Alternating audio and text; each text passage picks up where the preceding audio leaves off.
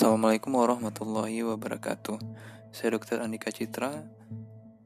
Hari ini kita akan membahas tentang sejarah ilmu bedah di dunia. Nah, pernahkah kalian mendengar kata chirurgi? Nah, kata ini bersumber dari bahasa Yunani, cheirogia, yang terdiri atas dua kata, yaitu chair atau tangan dan ergon atau kerja, yang kemudian diartikan sebagai bekerja dengan tangan. Istilah chirurgi sempat mengalami perubahan beberapa kali, hingga istilah ini diubah ke dalam bahasa Inggris sebagai surgery. Nah, sangat sedikit yang diketahui dalam sejarah awal ilmu pembedahan. Ada dugaan bahwa pada zaman dahulu, penyembuhan luka diobati dengan adonan tepung dan daun-daunan. Sedikit maju ke depan, Pengetahuan tentang bedah banyak mengalami kemajuan dari pengalaman yang didapat saat perang, di mana dokter ahli bedah saat itu dapat, dapat berkembang lebih cepat terhadap keterampilannya dibandingkan saat masa-masa damai.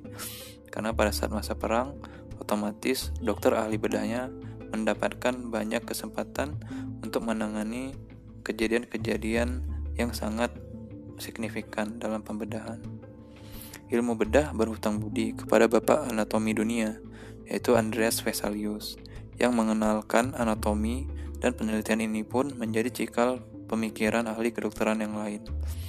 Pada tahun 1543 sampai 1982, terdapat beberapa penemuan monumental yang menjadi dasar utama perkembangan ilmu bedah. Pertama adalah penelitian dari Ambroise Paré. Dia merupakan ahli bedah militer Prancis dan juga sebagai dokter pribadi Napoleon Bonaparte yang memperkenalkan pemakaian ligasi pada perdarahan atau meligasi atau mengikat pembuluh darah yang cedera. Kemudian ada John Hunter, ahli bedah dari Skotlandia yang meneliti tentang pertumbuhan tulang, remodeling tulang, luka tembak, dan sistem saluran cerna.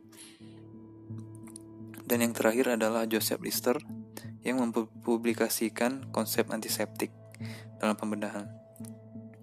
Kemudian ada beberapa penelitian tentang anestesi yang membuka babak baru kemungkinan dilakukannya banyak tindakan bedah setelah itu, serta banyak diadakannya program pelatihan bedah di klinik Universitas Jerman, Swiss, dan Austria pada awalnya. Nah, jadi perkembangan dari ilmu bedah ini sendiri banyak terjadi di dunia Eropa. Nantikan podcast lainnya tentang edisi bedah. Terima kasih. Assalamualaikum warahmatullahi wabarakatuh.